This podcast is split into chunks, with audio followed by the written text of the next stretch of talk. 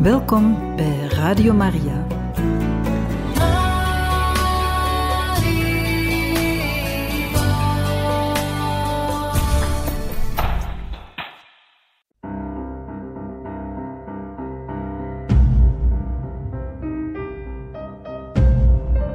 Het woord spreekt. Een programma van Radio Maria.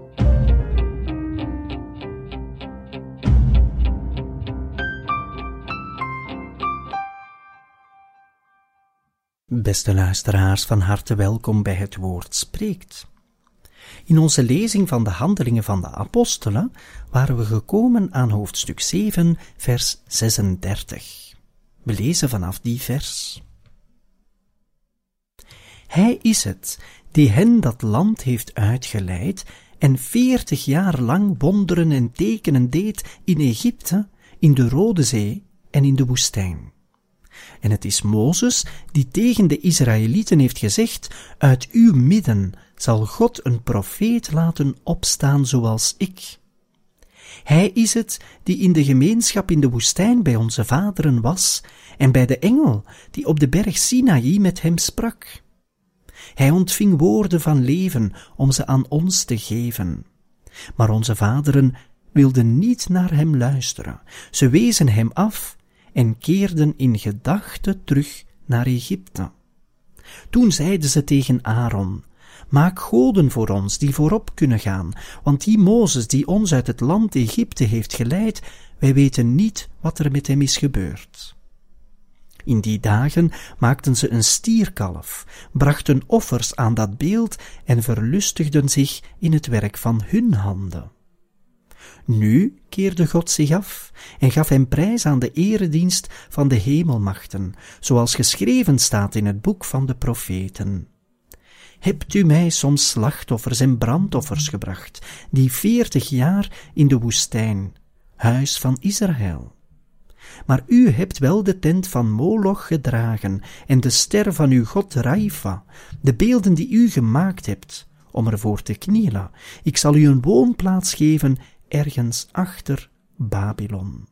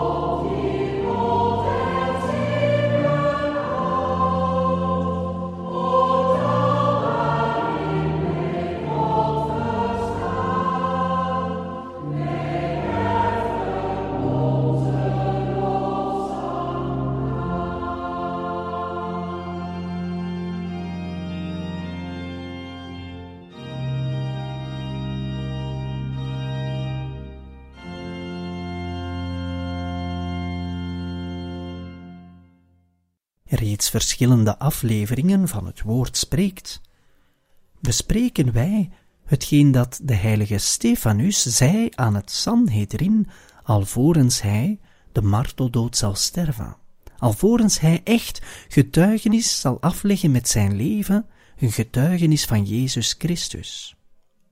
Maar in zijn gehele discours ter verdediging zal hij net die getuigenis ook in woorden vertellen.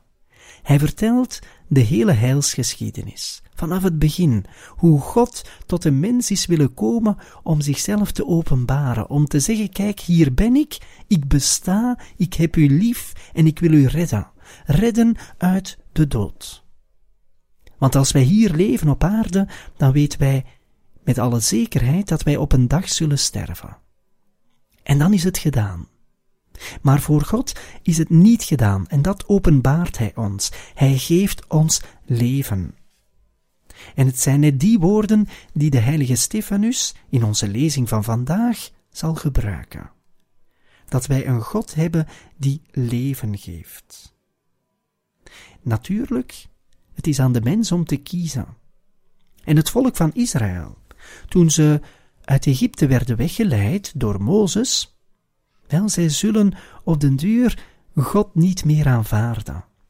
Zij zullen veertig jaren lang in een woestijn leven, en ze zullen vele wonderen zien. Ze zullen de tekenen zien die God hen geeft.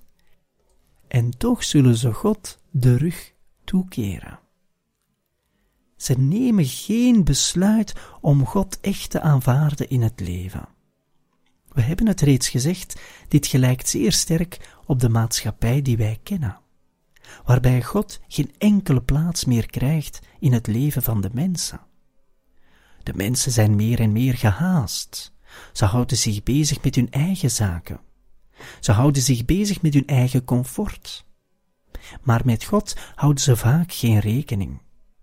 Aan ons om vandaag met God wel rekening te houden.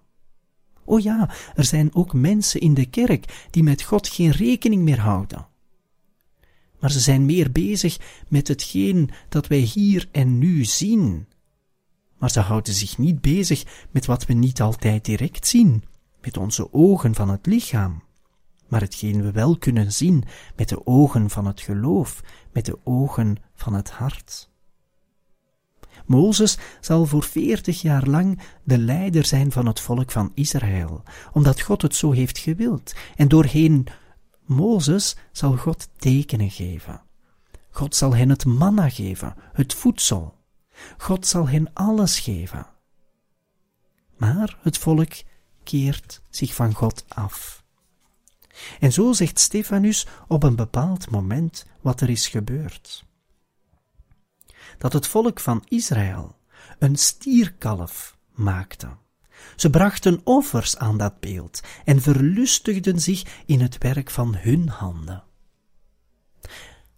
Aan de mens is er gevraagd vanaf het begin van de schepping om te werken. En dus er zijn werken van onze handen. Maar de werken van onze handen moeten er eigenlijk zijn om God te loven. Ze moeten in het teken staan van God. Ons dagelijks werk moet geheiligd worden, omdat we het opdragen aan God. Maar dat deden ze niet.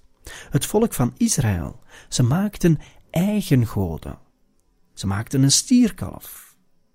Ze brachten offers aan het werk van hun eigen handen.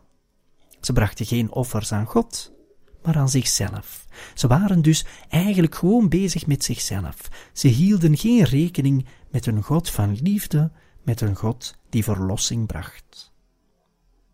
En het antwoord van God, zo zegt Stefanus, is het volgende. Nu keerde God zich af en gaf hen prijs aan de eredienst van de hemelmachten, zoals geschreven staat in het boek van de profeten. God keert zich af, maar dat is niet een eeuwige afkering. God keert zich af om de mens te laten aanvoelen dat een leven zonder God van geen tel is. Hij zal het volk van Israël ver wegduwen, verder dan Babylon, zo staat er geschreven. Ik zal u een woonplaats geven ergens achter Babylon.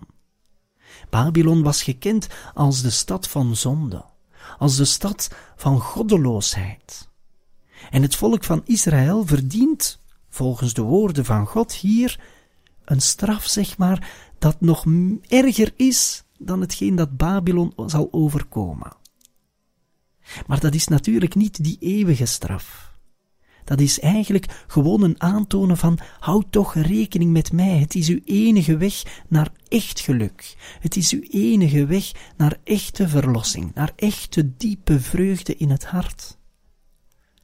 En zo zal God gedurende de gehele heilsgeschiedenis van zijn openbaring aan de mens willen aantonen dat hij ons lief heeft. En soms zijn er mensen, en misschien wij ook af en toe, die ons de vraag stellen, ja, maar God, Gij kunt u toch zelf aan ons ook komen openbaren, op een directe manier. Wij hebben in onze tuin nog geen doornstruik gekend die ineens in brand stond, zoals het bij Mozes was, en die niet verbrandde, maar waaruit er een stem kwam van u, God. En dat is een mysterie, dat kunnen we heel eerlijk zeggen. En wij moeten, zeg maar, gewoon aanvaarden dat God de wegen kiest die Hij kiest om zichzelf aan ons te openbaren. Dat is een aanvaarding in onze eigen kleinheid. Is het niet daarom dat het alleen aan kleinen en armen is gegeven om de blijde boodschap te kunnen ontvangen? Net omdat men durft aanvaarden dat God zijn eigen wegen kiest en zijn wegen zullen de beste zijn. Onze menselijke gedachten zijn maar menselijke gedachten. Ook al denken wij een oplossing te hebben voor alles, ook al denken wij soms aan God te kunnen opdragen wat Hij moet doen voor ons. Wij zijn klein en arm, en Gods wegen zijn de beste, ook al begrijpen we ze niet. En dat is de kleinheid van hart die wij nodig hebben, om zoals een kind alles te aanvaarden van een goede vader die ons bemint, die ons op die weg wil leiden naar eeuwigheid, die ons op die weg wil leiden naar eeuwig leven. Het volk van Israël, net weggeleid uit Egypte, uit de slavernij. God had hun zuchten gehoord, maar zij vragen eigenlijk aan God om zich nu van hen af te keren. En God zal zich van hen afkeren maar niet voor lang, want de belofte is gegeven aan Mozes. En dat staat eigenlijk centraal in de lezing die wij vandaag deden van de handelingen van de apostelen. De belofte die God doet aan Mozes. Uit uw midden zal God een profeet laten opstaan zoals ik. We hebben het reeds gezegd dat Mozes een voorafspiegeling is van de komst van Jezus. Mozes werd verstoten, maar toch aangesteld als redder en verlosser van het volk van Israël weg uit de slavernij van Egypte. Zo zal Jezus komen, God zelf, die mens wordt en die wordt verstoten, maar ondanks alles toch onze redder en verlosser is, weg uit de slavernij van de zonde, niet meer van Egypte, maar van de zonde. En heel het verhaal van Mozes is dus die voorafspiegeling van het heil dat wij ontvangen door toedoen van het offer van Jezus Christus, het offer opgedragen aan God, de ware God van leven. Hij die is de weg, de waarheid en het leven. Wij hebben geen stierkalf meer nodig. Dat hebben we nooit nodig gehad. Wij hebben nu iemand die echt aantoont wie God is. En dat is Jezus Christus. In Hem is de vervolmaking van de hele heilsgeschiedenis echt gebeurd. Die vervolmaking is eindelijk gekomen. Op het moment dat Jezus zegt, het is volbracht, op het kruis. Met zijn offer bindt hij ons terug opnieuw met die God van liefde, met die God van onze vaderen Abraham, Isaac en Jacob. En zo, beste luisteraars, hebben we vandaag gelezen in de Handelingen van de Apostelen, hoofdstuk 7, versen 36 tot en met 43.